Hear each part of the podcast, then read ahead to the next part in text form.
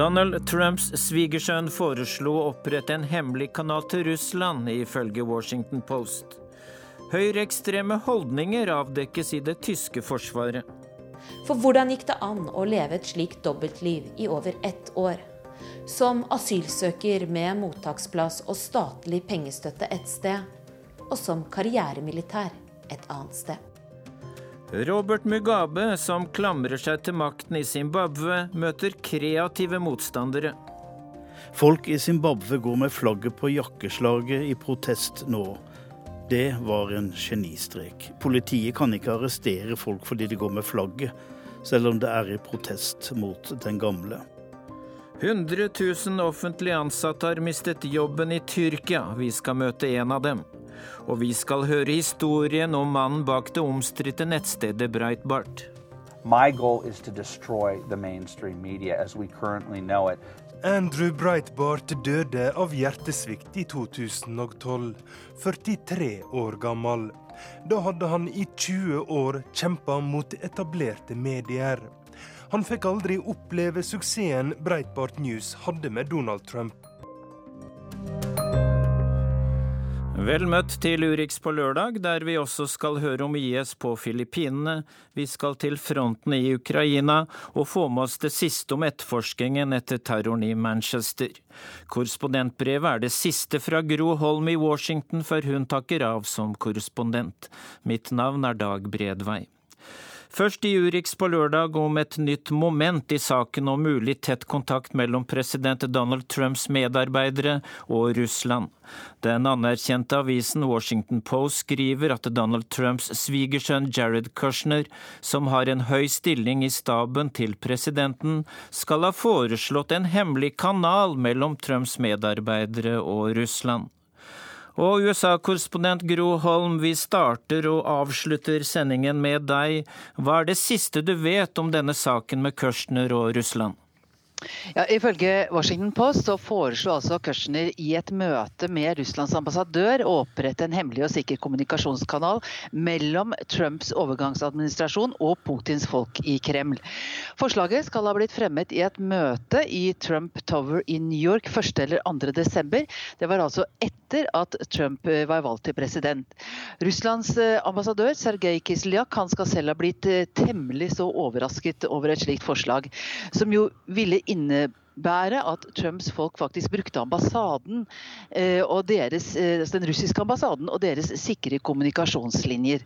Eh, og Den avsatte nasjonale sikkerhetsrådgiveren Michael Flynn han var også til stede på dette møtet i Trump Tower, som Washington Post har fått greie på fordi amerikansk etterretning har avlyttet kommunikasjon mellom den russiske ambassadøren og, og, og russisk UD. Dette høres eh, nesten utrolig ut, og hvor alvorlig er denne saken for presidenten, Groholm? Ja, Det er jo klart at det er svært alvorlig hvis den eh, påtroppende den gang presidenten ønsket å samarbeide med Russland for å unngå at kontakten med Putins folk ble oppdaget av USAs egen etterretning. Han forsøkte altså å omgå USAs egen etterretning. Eh, og vi vet jo at forholdet mellom Trump og etterretningen, inkludert eh, FBI, er, var og er veldig anstrengt. Og eh, alt dette bidrar jo til inntrykk av kaos. Populariteten til president Trump nå er allerede på et historisk bunnivå. Under 40 eh, av befolkningen sier at, at de har et positivt inntrykk av ham. President Trump har i over en uke vært på rundreise i Midtøsten og Europa, og i helgen drar han hjem. Og er det mye støy om forhold til Russland som vil møte ham på hjemmebane? Ja, helt uh, uten tvil. Det er jo flere høringer på gang i Kongressen. Det er gransking i FBI. Uh, eh, dette siste er jo da det med, med Kushner, men uh, Kongressen har også bedt om at det utleveres informasjon fra Deutsche Bank om store lån som Trump har tatt opp. Og det mistenkes da at Russland kan ha garantert for disse lånene. Så nå nærmer jo også disse granskingene seg Trump selv mye mer enn det har gjort i de innledende fasene. Eh, og dette er hele tiden en av hovedsakene i, i amerikanske medier. I, I, tillegg da til budsjett, som har også vært en stor sak denne uka. Og, og det faktum at han ikke har fått gjennomført noen store reformer til nå. Du blir med oss videre om litt, eh, Gro Holm, men nå til Sicilia, der lederne for de sju mektigste industrilandene i verden er samlet til toppmøte, kalt G7. Og Europakorrespondent Philip Lote, du følger møtet for oss, og hva er det viktigste som er kommet ut av dette toppmøtet til nå? Den viktigste enigheten handler jo om at man eh, ønsker å styrke kampen mot eh, terrorisme, og bl.a. pålegge eh, internasjonale internettselskaper, selskaper som er store på sosiale medier, med at de må i større grad begrense og slå ned på ekstremistiske ytringer og, redusere hatmeldinger osv. I tillegg så ble de enige i går om at, å slå fast at alle nasjonalstater har en suveren en rett til å kontrollere og stenge sine egne grenser. At dette er en rett som sidestilles med eh, kravet flyktninger og migranter har på å bli behandlet eh, i tråd med menneskerettighetene. Eh, så, sånn at Her har det blitt enighet. Det store spørsmålet hvor det ikke er blitt enighet, er jo om eh, klima. Da kommer eh, Trump til å reise fra G7-møtet uten å si om han ønsker å bli eller forlate eh, Parisavtalen fra 2015. Og så er det fremdeles mange mange spørsmål knyttet til handel som står uh, ubesvart, og hvor uh, europeiske ledere uh, fremdeles er spørrende. Ja, Philip Lote, du nevnte klima. Frykter de andre lederne fortsatt for at Trump vil skrote klimaavtalen fra Paris? Jeg vet ikke hva de, de frykter det selvsagt, men hva de tror kommer til å skje er veldig vanskelig å vite. For han har eh, ikke sagt noe. Det de sier er jo at han kom hit for å, å lære og lytte, og det har han eh, gjort. Og de håper i det lengste at USA kommer til å bli innenfor eh, avtalen. Eh, men disse eh, økonomiske rådgivere i hans egen administrasjon sier at hvis de opplever at klimatiltak skader amerikansk økonomi, så vil amerikansk økonomi eh, gå foran. Og så er det uenighet i hans egen administrasjon, bl.a. den nevnte svigersønnen eh, Kushner, som er for å bli i eh, avtalen, mens eh, andre rådgivere ønsker å forlate. Så her, her vil nok også foregå en intern maktkamp etter G7-møtet, og det vet Trump. Og, og, vil vel bruke det aktivt for å lande på sitt standpunkt. Altså Han prøver å spille kortene sine klokt der, både i forhold til hjemmepolitiske hensyn og internasjonale hensyn. Eh, Gro Holm, var det som ventet at Trump eh, ikke ville nærme seg de andre landene når det gjelder eh, klima? Ja, det var det absolutt. Eh, han har jo uttalt seg veldig eh, krast mot klimaavtalen før. Nå eh, skal også en av hans rådgivere ha uttalt at han ser, han skjønner behovet for at USA leder an. Og hvis en av de største trekker seg fra klimaavtalen, så vil det ha store konsekvenser. Så håpet er jo at man skal kunne bli enige om en slags kompromiss hvor USA, USA blir værende, men muligens nedjusterer noen av de ambisiøse målene for klimakutt her i USA. Han har jo allerede begynt på den veien eh, gjennom flere presidentordre eh, som kom allerede i, i februar. Eh, Philip Lote, sterk uenighet mellom flere ledere og Trump. Og hva med handel, hva går uenigheten ut på der? Der er det Trumps misnøye med handelsubalansen, eh, særlig da med Tyskland når han snakker om de europeiske landene. Eh, han mener at Tyskland eh, bevisst driver en økonomisk politikk som gjør dem i stand til å eksportere langt mer enn de importerer, mens Tyskland sier at de bare følger reglene for en markedsøkonomi.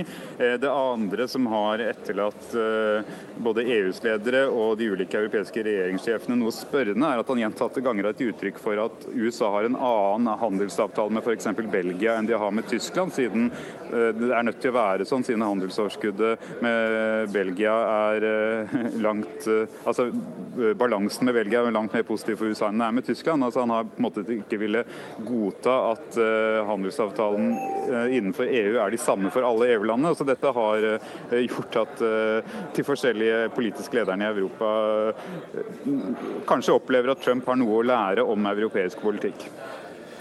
Donald Trump har altså vært på G7, han har vært på Nato-toppmøte, han har vært i Vatikanet, Palestina, Israel og Saudi-Arabia. Og Gro Holm, hvordan blir innsatsen til Trump under denne reisen vurdert sett fra USA? Ja, Meldingene er jo ganske, meningene er ganske delt, og det følger ganske forutsigbare skillelinjer. Nettstedet Breitbart News, eh, som jo støtter Trumps mest nasjonalistiske Amerika først-synspunkter, de skrev i går at Trumps innflytelse var tydelig på G7-møtets dagsorden. De hevdet at han hadde klart å vri den dagsorden fra å handle om klima til å handle om kampen mot terror, som, og som vi har hørt fra, fra Philip Lote nå, det er jo en sannhet med store modifikasjoner. Eh, flere medier har også bitt seg merke i at han så ut til å trives bedre blant arabiske konger og prinser enn blant allierte i Nato. Og I USA så var de fleste ganske fornøyd med at han startet turen med en større grad av verdighet enn vanlig.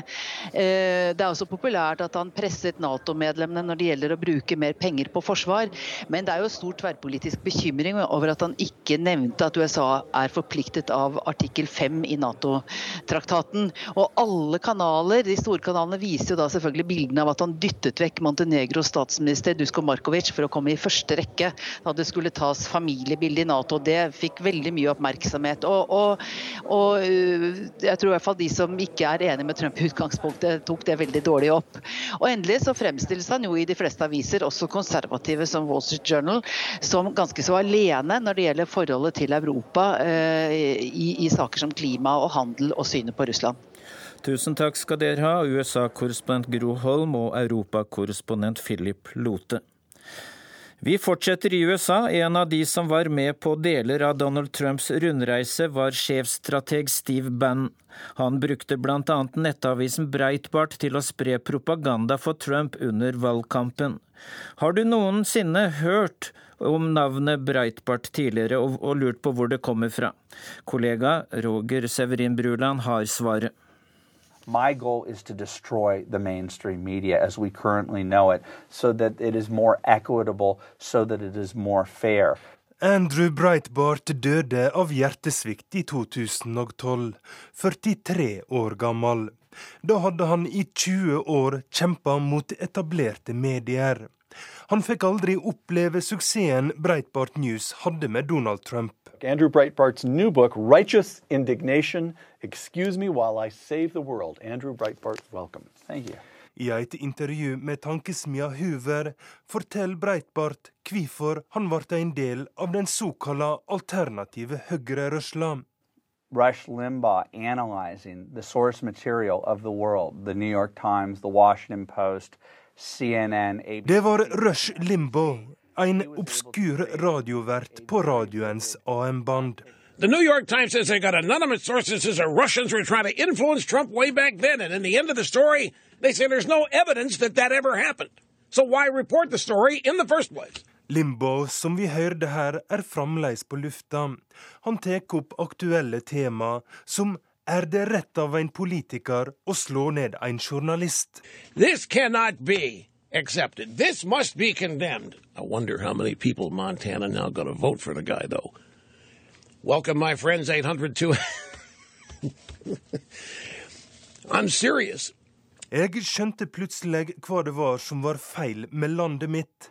Uh, it's political correctness and it's multiculturalism. Politisk korrekthet og multikulturalisme, forteller Breitbart. Post-structuralism, queer studies, uh, uh, African American studies, all that all of that is pitting people against each other. It is anti-American to its core. Han mener alle lærebøker er farga av kulturmarxismen. Poststrukturalisme, kjønnsforsking, afroamerikanske studier How, how to spread Marxism around the world. You- Alt dette bidrar til å splitte folk. Det er uamerikansk, mener Breitbart, som siden vier livet sitt til å bekjempe det han kaller mediekomplekset. Media Et manipulerende monster som gjennomsyrer samfunnet. That the people who were allegedly objective and neutral reporters and journalists were the, the front line of, of the political battle. And they used their objectivity as their greatest weapon because they were telling young, impressionable people like me who believed in Woodward. Journalistene hevder de er nøytrale og objektive. I realiteten er de frontkjempere i den politiske kampen. Og det som gjør de så farlige, er at de kan hevde de er objektive. Men i realiteten tolker og prioriterer de historiene til å passe inn i sitt verdensbilde, forteller Breitbart. Alle kritiske røyster blir trakassert, hevder han, og nytter seg sjøl som eksempel. I en diskusjon på Bill Maher Show ble han latterliggjort da han tok Rush Limbo i forsvar. That is some motherfucking articulateness. Wait, wait. Let, wait, wait. Let me let me end on one note, on this note. Of my no, life. no, but you're part of the bullying tactic. That, I- the oh right- my that- God, why is it a bruh. bullying Calling tactic? a person a racist is the worst thing you can call a person in this country. There are tons of black people in this country who are Republicans who support this man. They're not tons. We are a polarized nation. This is a civil war Well- based upon communication. Dette er en borgerkrig, forteller Breitbart, som så nye muligheter for alternativ høyrerørsla på 90-tallet. Da kom de første nettavisene, og Breitbart var med å starte Huffington Post. And I enjoyed being with her when she was a conservative, but I walked out the door when she switched to the left. Men Ariana Huffington var for moderat for Breitbart, og han starta sin egen nettstad. Who's winning? Well, monetarily, they still are controlling the majority of the pieces. But so there's still something second class, second rate oh, about the course, conservative. of course. But w- what we are winning tactically because Breitbart News var outsideren som erklærte krig mot de store mediehusa i USA. And the first thing that we're going to have to get rid of is this fake uh, declaration of objectivity and neutrality. That is a big lie. We need to move towards something that is a more mature version of what we have now.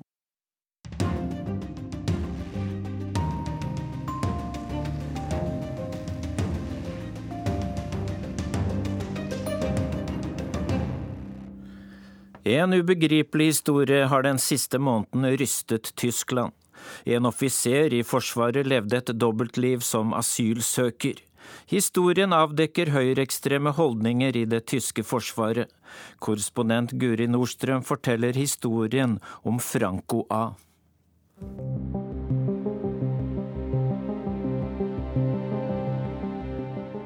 Det er desember 2015.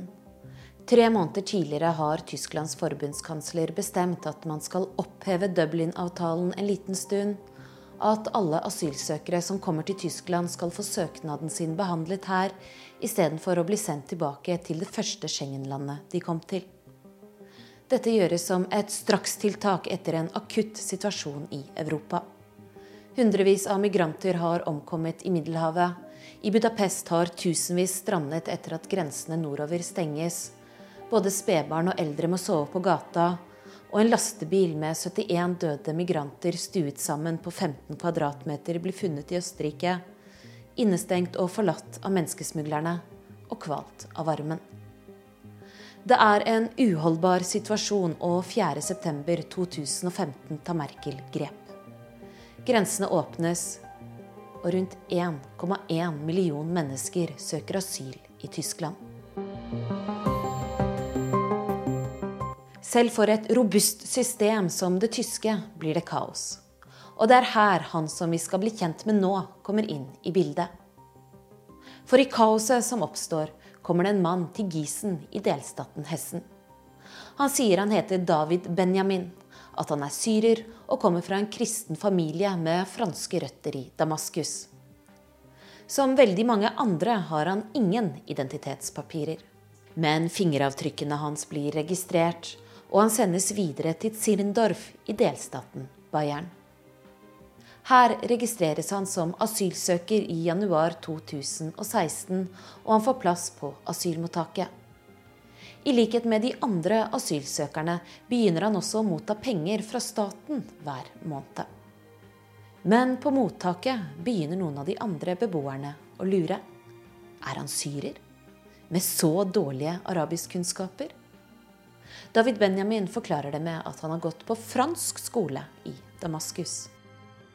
I januar i år blir det funnet et skytevåpen på et toalett på flyplassen i Wien.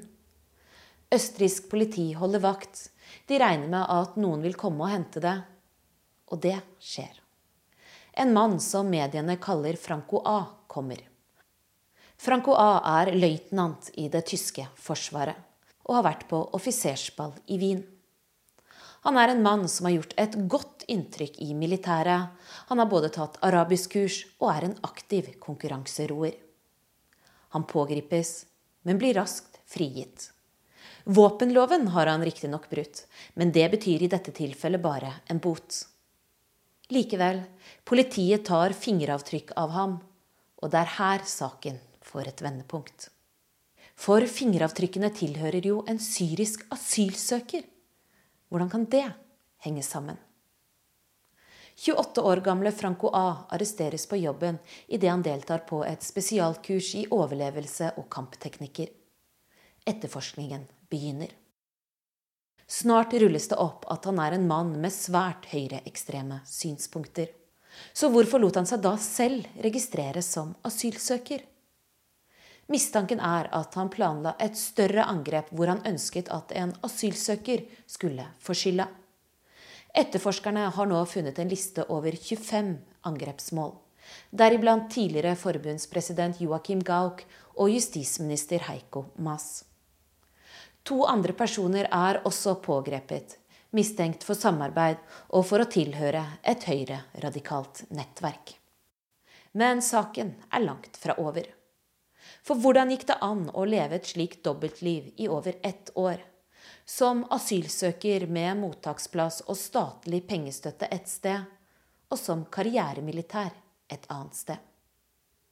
I løpet av tida han bodde på asylmottaket, skal han visstnok bare ha overnattet der to ganger.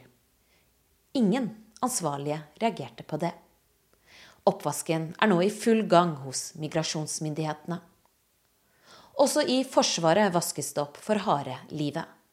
For etterforskningen viser at Franco A ikke er alene om høyreekstreme holdninger her. Etter inspeksjon av alle landets militærkaserner blir det funnet flere gjenstander fra nazitida i to av dem. Forsvarsminister von der Leyens umiddelbare reaksjon er at det ikke er gjort nok for å få bukt med høyreekstreme holdninger i Forsvaret.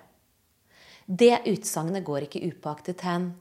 250 000 forsvarsansatte føler seg dolket i ryggen av sin egen leder. Og derfor er formuleringene fra von der Leyen rundt dette mer avsleppet denne ettermiddagen når hun møter korrespondentkorpset i Berlin. Ich bin der Überzeugung, dass nach 61 Jahren Bundeswehr wir beeindruckende Geschichte in der Bundeswehr haben. Jeg er overbevist om at det tyske forsvaret gjennom de siste 61 årene stort sett har en stolt historie å vise til, sier von der Leyen.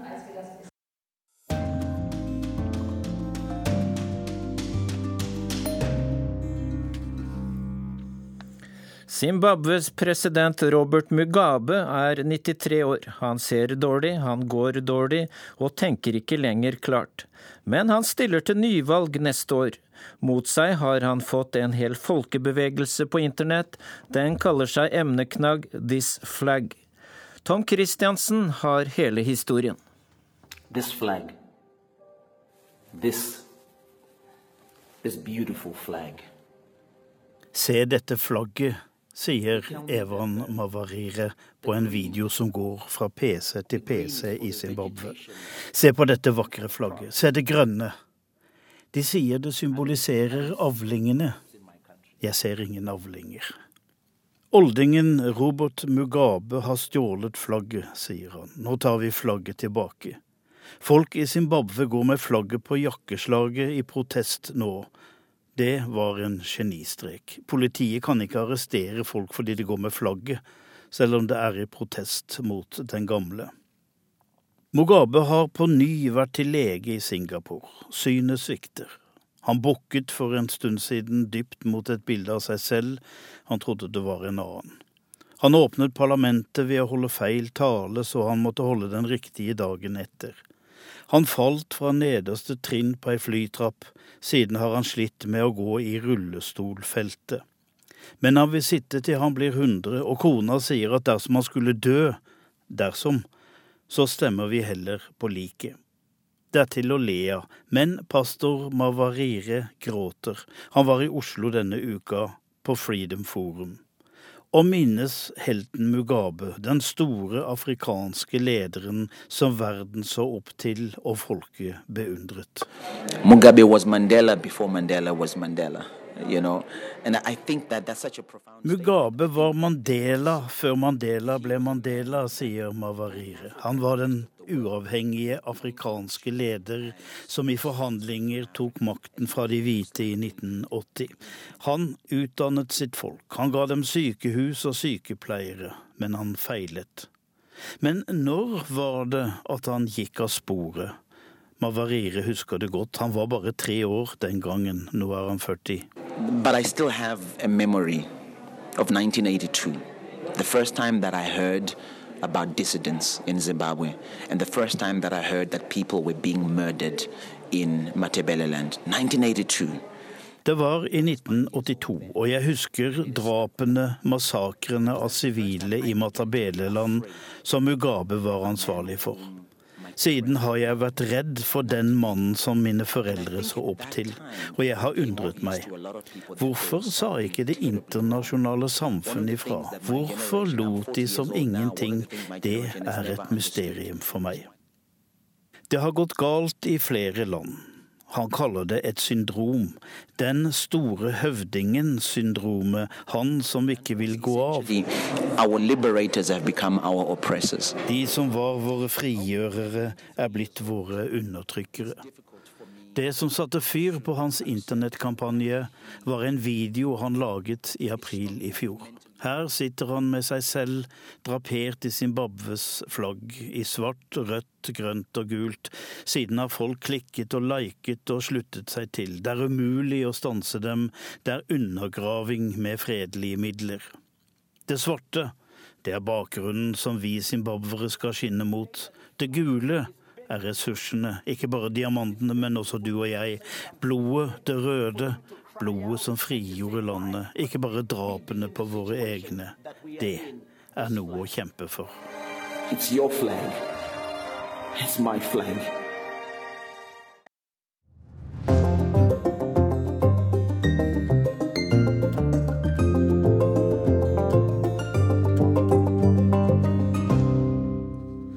Et hundre tusen offentlig ansatte er sparket fra jobbene sine etter kuppforsøket i Tyrkia i fjor. En av dem er professor Ulku Doani. Hun kan verken reise ut av landet eller få en ny jobb. Korrespondent Sissel Wold har møtt professoren fra universitetet i Ankara. I'm a specialist of political science, and I was teaching for 23 years. Jeg er statsviter og har undervist på universitetet her i Ankara i 23 år, sier Ulku Doğanay. Kvinnen som sitter på den andre siden av kafébordet, er professor og mor til to. Da mobilen hennes ringte en dag i februar, tok livet hennes en dramatisk vending. One of my colleagues called me and said, I wanted you to hear it from me. En kollega som allerede var oppsagt, fortalte meg at resten av oss som hadde undertegnet oppropet med krav om fred med kurderne, også mistet jobbene våre nå. Vi sto på myndighetenes liste over folk som skulle avskjediges. Siden februar har ikke professoren i politisk kommunikasjon vært i jobb. Men hun har søkt om midler til å forske i Frankrike og Tyskland. I want to continue my researches and I have a research project on uh, the Turks living abroad and especially the Turks who voted yes for the uh... Og nå vil jeg forske på dem som stemte ja til Erdogan i folkeavstemningen i april, sier Doğanay. I gained the fellowship if they, if I can have my passport, I will go and I will start my research upon. Og hun har fått stipend fra et universitet i Paris. Men det hjelper lite å ha fått stipend og penger når hun ikke får forlate Tyrkia. Tjenestepasset hennes fra universitetet er annullert, og hun kommer ingen vei når hun søker om et nytt, ordinært tyrkisk pass. Police does not accept our application for a new ordinary passport. Tyrkiske myndigheter vil altså ikke la henne jobbe, men vil heller ikke la henne forlate Tyrkia. Potensielle arbeidsgivere holder seg langt unna alle dem som er oppsagt, av frykt for at de også får problemer med myndighetene. Derfor er det i praksis umulig å skaffe seg en ny jobb og inntekt for ressurssterke folk som Ulke Doanay. So do you feel like a prisoner in a way that you are not wanted and Yes. yet you cannot leave? Yes, yes, that's exactly what I'm feeling. Ja, det er nesten som å være i fengsel, medgir hun. Denne uken ga Amnesty ut rapporten No End in Sight. Den handler om de mer enn 100 000 statsansatte som er avskjediget i Tyrkia. De er stemplet som terrorister og er fratatt sitt levebrød.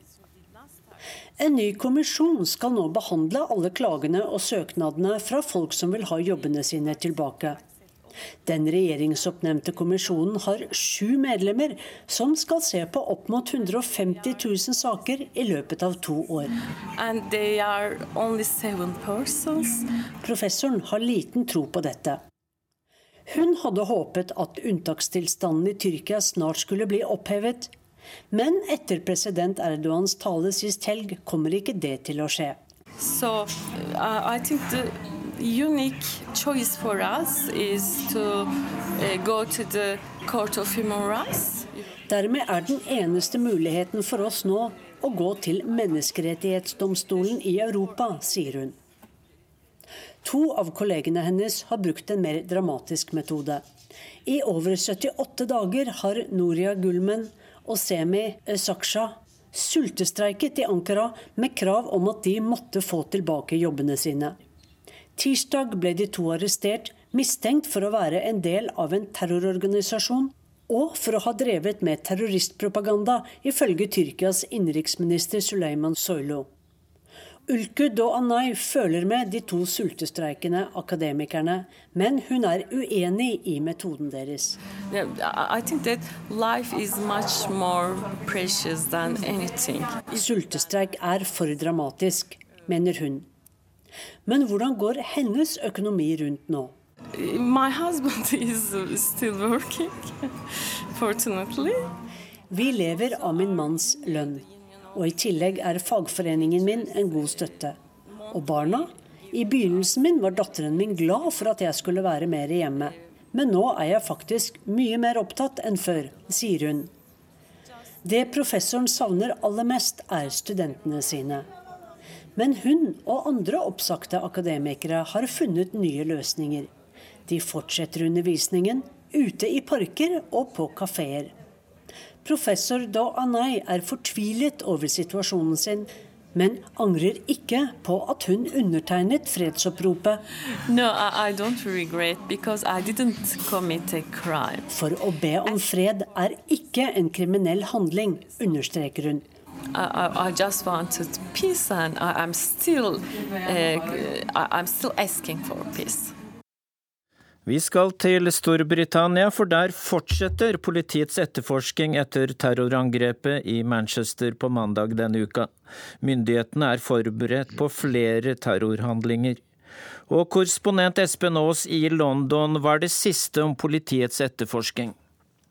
Ja, I natt har britisk politi foretatt flere nye arrestasjoner. Dermed er det foretatt til sammen 13, og 11 av disse som ble pågrepet er fortsatt i politiets varetekt. En kvinne og en 16 år gammel gutt er løslatt tidligere denne uken, men ifølge politiet så er iallfall store deler av nettverket rundt den antatte gjerningsmannen Salman Abedi tatt. Men politiet understreker arbeid gjenstår. Den antatte selvmordsbomberen Salman Abedi skal ifølge CNN ha fått trening hos IS i Syria. Og hva mer vet du om det? Ja, dette Syriasporet har jo versert eh, flere ganger i denne etterforskningen, og særlig da eh, i amerikanske medier, ut fra lekkasjer eh, de har fått angivelig. Eh, ut fra de opplysningene som britisk politi har gått ut med, så har ikke de funnet noen direkte bevis på det. Eh, men via libyske og tyrkiske myndigheter har de i hvert fall fått klarlagt at de ikke sitter på noen informasjon om at han har reist derfra og til Syria. Men du vet at flere familiemedlemmer har hatt tilknytning til dette terrornettverket, og faren hans har hatt tilknytning til Al Qaida. Eh, og det er en kanadisk eh, ekstremistisk eh, imam som skal være den som har radikalisert ham, ifølge noen presseoppslag i dag. Det skal da også ha skjedd i Libya, fordi han er en venn av faren. Så først og fremst er nok Libya som er hovedsporet til politiet her, ut fra det de har gått ut med. Er det fortsatt frykt for at noen kan ha planlagt en ny terroraksjon i Storbritannia? Ja, bybildet, særlig her i London, vitner eh, om lite annet. Vi er inne i en langhelg nå med offentlig fridag på, på mandag. Det er FA Cup-finale på Wembley i kveld. Det er et stort løp i Manchester denne helgen. Og ellers nydelig vær i store deler av landet som gjør at mange vil reise ut til kysten. Og det folk kommer til å se, det er tilstedeværelse av tungt bevæpnet politi, der mye folk er samlet, inkludert på strendene. På Wembley i kveld kommer det til å stå pansrede kjøretøyer sammen med politistyrker. På strendene kommer det til å gå politi med maskingevær. Det samme på tog og togstasjoner. Så terrornivået det er på sitt aller høyeste nivå fortsatt, det. Eh, samtidig så har også myndighetene nå sagt at det bor 23 000 jihadister i Storbritannia, 23 000, og 3000 av dem anses, anses, som spesielt viktig å følge med på. og Det forteller noe om hva slags enorm jobb politiet har. Takk skal du ha, Espen Aas direkte med fra London.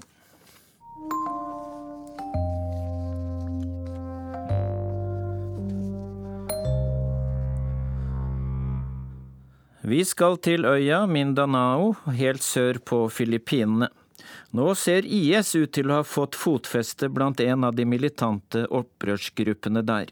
Det skaper såpass stor bekymring at president Duterte avbrøt sitt besøk hos sin russiske kollega Vladimir Putin denne uka.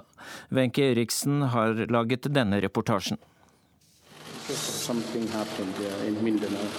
Det har skjedd noe på Mindanao, sier Rodrigo Duterte og tar en pause mens tolken oversetter til russisk. ISIS, uh,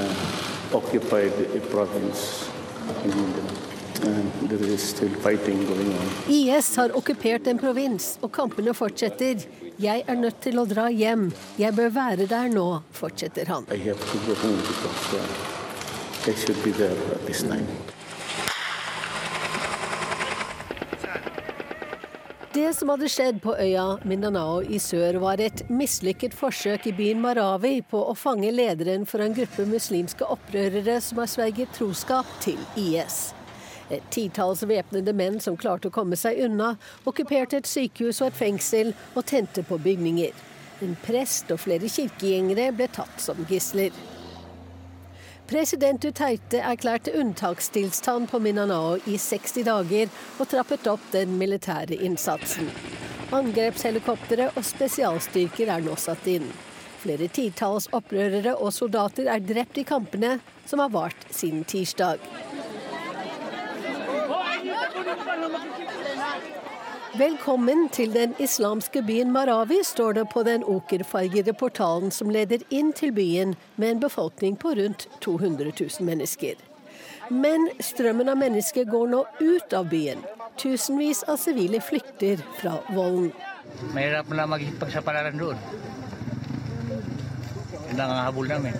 Det er vanskelig å bli igjen, at det er så kaotisk der, sier Ali Sultan til nyhetsbyrået Reuters. Folk flykter i privatbiler, i fullstappede minibusser og til fots med de eiendelene de klarer å bære på ryggen. What's happening in Mindanao is no longer a rebellion of Filipino citizens. It has transmogrified det som skjer på Mindanao er ikke lenger bare et lokalt opprør blant filippinere. Utenlandske terrorister som ikke klarer å slutte seg til den såkalte islamske stat i Irak og Syria, kommer nå hit, sier riksadvokat José Khalida. Han bekrefter at malaysere og indonesere er blant dem. Malaysians, Indonesians, uh, from Singapore, and other uh, foreign uh, jihadists. Etter at den lokale matemilitsen sverger troskap til IS-flagget, ønsker de å gjøre Mindanao til en del av kalifatet, mener han. And they have uh, to the flag of ISIS. So they want to create uh, uh, Mindanao as part of the caliphate. I en tale til filippinske soldater ikke langt fra Marawi på fredag, sa president Rodrigo Duterte at det ikke er for sent for dialog som kan føre til fred på Mindanao. Men han hadde også denne beskjeden til Maute-militsen. Vil dere fortsette å krige, så gjør vi det.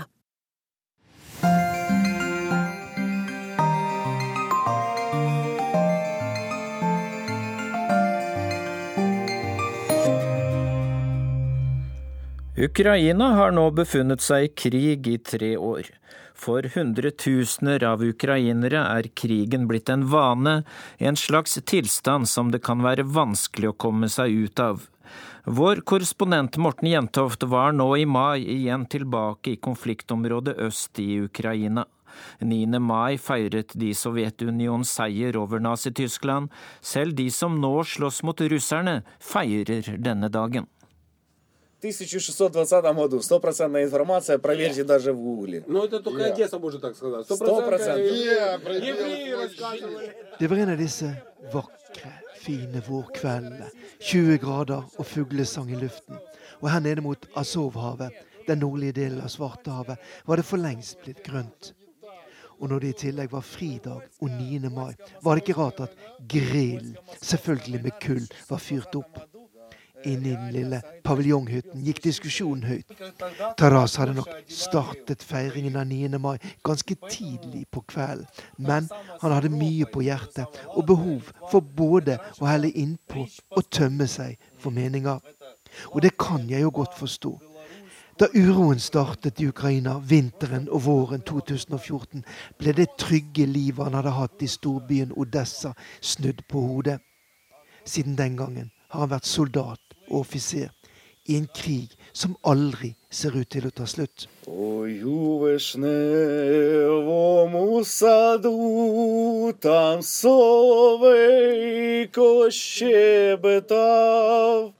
Додому Det skulle bli en kveld full av sang og følelser, og Taras gikk i spissen.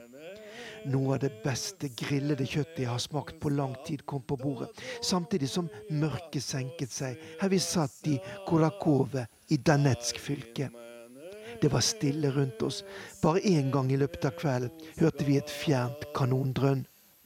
Vi befant oss tross alt ikke mer enn drøye 20 km fra frontlinjen mot de prorussiske separatistene.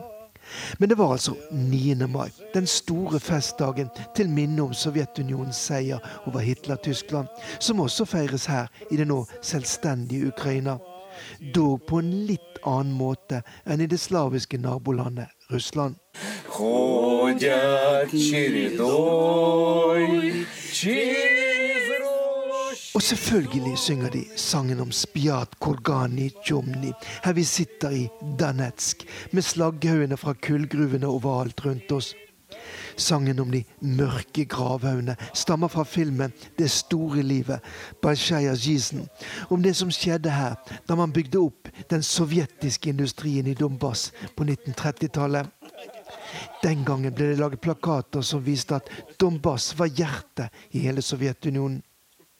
Hva tenker Taras og de andre ukrainske soldatene om dette nå, i 2017, da Donbas holder på å bli revet i filler av en blodig konflikt mellom Russland og Ukraina?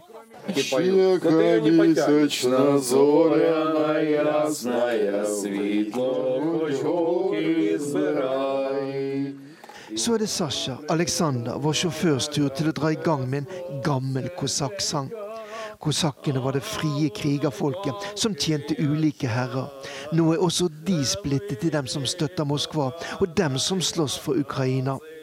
I starten var det mange frivillige på begge sider som slåss i denne konflikten. Nå er de fleste blitt soldater på kontrakt, som ofte ser på det å tjenestegjøre i det militære som et alternativ til arbeidsledighet. Just a moment, my dear friend. Куда? А ну подождите, я такой... Я вас понял. Ну, just a moment, my dear friend. Окей. Hava, nahilla hava, nahilla hava, nahilla ve mishmeha, hava melaimena.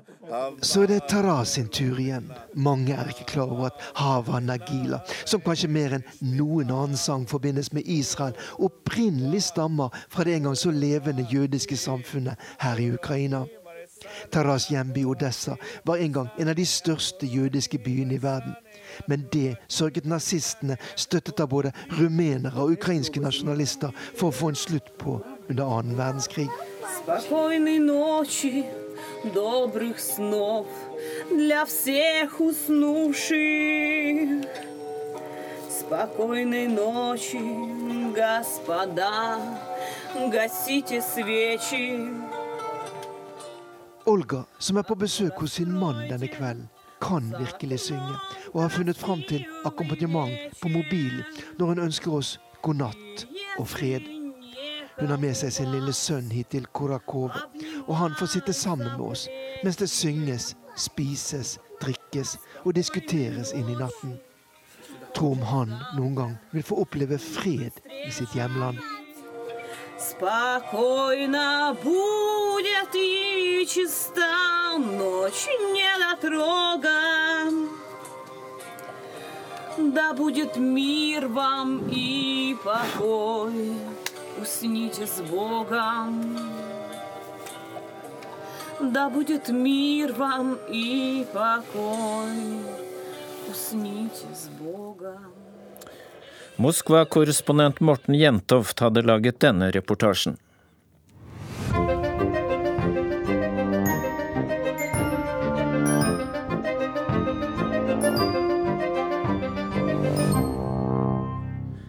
Vår USA-korrespondent Gro Holm postla denne uka sitt siste korrespondentbrev. Hun har brukt anledningen til å reflektere om konger, politikk og folk. Og ja, Trump er med også her. Det nærmer seg slutten på min korrespondentperiode her i USA. Forrige gang jeg avsluttet en korrespondentjobb, var for 19 år siden, i Russland. Min siste jobb var å dekke begravelsen til en konge, landets siste tsar. Det skjedde i St. Petersburg, nøyaktig åtte år etter at Nikolai 2. og hele hans familie ble henrettet av bolsjevikene. 80 år med først en rød revolusjon, og så, i 1991, en ny politisk revolusjon. Mindre blodig, men likevel et imperium som gikk i oppløsning. Jeg husker følelsen av å leve midt i et politisk laboratorium. Ikke noe industrialisert, relativt moderne land hadde gjort noe lignende før. Russland på 90-tallet var veldig liberalt, det meste kunne skrives og sies. Men sentralmakten forvitret, rike regioner fikk skatteprivilegier i bytte mot lojalitet. Jeg hadde aldri trodd at jeg skulle få en lignende laboratoriefølelse her i USA, men det har jeg. Det vil si, det er ingen fare for at USA går i oppløsning, institusjonene er altfor sterke til det. Men sannelig blir de utfordret, og det er selveste presidenten som leder an. En president som aldri leser bøker, knapt aviser, og som, inntil han ble president, stort sett lot seg informere om verden utenfor via fjernsynet. Sist helg opptrådte Donald Trump som en konge blant likemenn. Det var riktignok de andre som var konger og prinser, men det var som om han lånte litt av deres verdighet og ble mer som dem i tale og fakter. Det er umulig å se på kong Salman av Saudi-Arabia hva han egentlig tenker, og det er så vidt han beveger hodet når andre snakker. Trump er rastløs og har som regel vanskelig for å sitte stille lenge. Men i det saudiske palasset, omgitt av krystallkroner og interiør i hvitt og gull, da var han kongelig. Trump snakket langsommere enn vanlig, holdt seg til de store spørsmålene og angrep ingen direkte, bortsett fra Iran, da. Han husket nesten hva han ikke skulle si, radikal islamsk terrorisme. I stedet skulle han bruke islamistisk ekstremisme. Det holdt nesten, med unntak av noen få eksempler der islamsk snek seg inn i stedet for islamistisk. Konstitusjonens fedre var opptatt av maktfordeling, inspirert som de var av baron de Montesquieu. Dette skulle være et land der monarker og andre som forsøkte seg på eneveldig styre, ikke hadde noen plass. Utøvende, lovgivende og dømmende makt skulle være atskilt, og delstatene fikk stor makt. Amerika var annerledes og mer moderne enn de gamle europeiske monarkiene. Slik ble den amerikanske konstitusjonen også til stor inspirasjon for framvoksende demokratier i den gamle verden, og etter hvert også for land som løsrev seg fra kolonimaktene. USA har verdensrekord i antall jurister, og mange av dem lever fortsatt av å passe på at maktfordelingsreglene etterleves på alle nivåer. Men nå har de fått en president som enten ikke forstår hva det innebærer i praksis, eller kanskje bare ikke liker hva juristene og andre forstå-seg-på-ere forteller ham. I alle fall har Donald Trump flere ganger forsøkt å tøye grensene. Et av de første eksemplene er knyttet til innreiseforbudet for folk fra sju muslimske land, undertegnet 27.1. Trump lot være å informere fungerende justisminister. Han ante nok at hun ville være uenig. Da dommer James Robert i Seattle satte bom for gjennomføringen, kalte Trump ham en såkalt dommer. Han skal ha vært rasende da en ny dommer, denne gangen på Hawaii, stanset iverksettingen av det reviderte innreiseforbudet også, men maktbalansen virket. Det politisk mest dramatiske angrepet på institusjonene er rettet mot FBI, som forutsettes å være et politisk nøytralt instrument som skal beskytte landets borgere. FBI har en dobbelt oppgave ved at organisasjonen både driver med intern etterretning og håndhever landets lover. 9. mai ble FBI-direktør James Comey sparket fra jobben, midt i en etterforsking av mulig samarbeid mellom Trumps valgkampstab og russiske myndigheter rundt forsøk på å påvirke det amerikanske presidentvalget. Dagen etter at Comey måtte gå, skrøt Trump til Russlands utenriksminister av handlekraften. Han var en skikkelig tulling. Jeg følte et stort press pga. Russland. Nå er det borte, sa Trump. Ifølge et lekket notat fra Comey ba Trump ham allerede i februar om å droppe etterforskningen av kontakten mellom tidligere nasjonal sikkerhetsrådgiver Michael Flynn og Russlands ambassadør. Presidenten skal også ha sagt at Comey burde fengsle journalister som formidler lekkasjer fra administrasjonen. Men igjen slo institusjonene tilbake. FBI og flere kongresskomiteer fortsetter sine granskinger, og visejustisministeren utnevnte en tidligere FBI-direktør som spesialetterforsker for å se på russlandsforbindelsene til Trump-kampanjen. En rasende og stadig mer frustrert president tok til Twitter, men til ingen nytte. Presset på Trump og staben når det gjelder Russland, er alt annet enn borte. Mediene blomstrer. Det er nye kapitler i dramaene rundt presidenten nesten hver dag. Seriøse gravejournalister skriver saker som trolig havner i historiebøkene, mens tvitrere og spaltister boltrer seg i de mer underholdende, men ikke fullt så seriøse analysene. I sistnevnte kategori er en debatt rundt Trumps mentale alder i The New York Times. Det startet med en artikkel om at Trump er som en sjuåring. Han klarer ikke å holde fokus når han snakker, har problemer med å mestre fakta, mangler den indre korrigerende stemmen som de fleste voksne har, mangler impulskontroll, er desperat på jakt etter anerkjennelse og kompenserer ved å fortelle heroiske fabler om seg selv. Det gjør ham tilsynelatende ingenting å bli tatt i løgn. Feil, skriver flere lesere til avisen. Sammenligningen er urettferdig overfor barna. Selv fireåringer er veldig opptatt av hva som er sant og usant, skriver en innsender. De er nysgjerrige og forstår at andre har behov som kan være i konflikt med deres egne. De forstår at ting de kan ha sagt før var gale, og at det er galt å såre andre. Når dette er sagt, møter jeg mange mennesker som verken leser The New York Times eller The Washington Post, og mange av dem er veldig fornøyde med Trump. Ikke fordi de er uvitende, men fordi de fokuserer på andre ting. Som at Trump har snakket med både Mexico og Canada om å reforhandle frihandelsavtalen. Han har reversert miljøreguleringer som la begrensninger på kull- og oljeindustrien. Og prosessen med å erstatte Obamas helseforsikringsreform er i gang. Og det er ikke slik at Trump-velgere flest har skyhøye, urealistiske forventninger. En eh, idealistisk politimann i Ohio som bruker hele sin arbeidstid og store deler av sin fritid på å hjelpe narkomane til rehabilitering i stedet for fengsel, var absolutt ikke enig i hovedtrekkene ved Trumps kriminalpolitikk. Joe mener at strengere straffer bare forlenger den onde sirkelen for mange narkomane, og det er noen hundre tusen av dem i amerikanske fengsler. Men han liker godt andre deler av Trumps politikk, og ville stemt på ham igjen i morgen. En annen Trump-velger jeg møtte, var forbanna på mediene, som krever resultater de første 100 dagene. Hun sa, som sant er, at det er en helt kunstig og altfor kort frist til å få gjort store endringer. Jeg er sikker på at Trump og Saudi-Arabias konge forstår hverandre på ett punkt, nemlig betydningen av å la familien fylle viktige funksjoner. Aldri før har en presidentdatter kombinert rollen som formell rådgiver og prinsesse, som Ivanka gjør det. For ikke å snakke om svigersønnen, Jared Kushner, som Trump ser som krumtapp i framtidig fredsmegling mellom Israel og palestinerne. Da får det ikke hjelpe at den smellvakre dronninga Melania stadig viser tegn på at hun misliker sin mann. Sist det skjedde, var på den røde løperen i Tel Aviv, da hun meget kontant føyset vekk presidentens invitasjon til å leie lanke. Men Donald Trump er tross alt langt fra Henrik den åttende. Det skal hun være glad for. Urix på lørdag er slutt. Teknisk ansvarlig Finn Lie, produsent Eli Bjelland og jeg, Dag Bredvei, takker for følget denne formiddagen.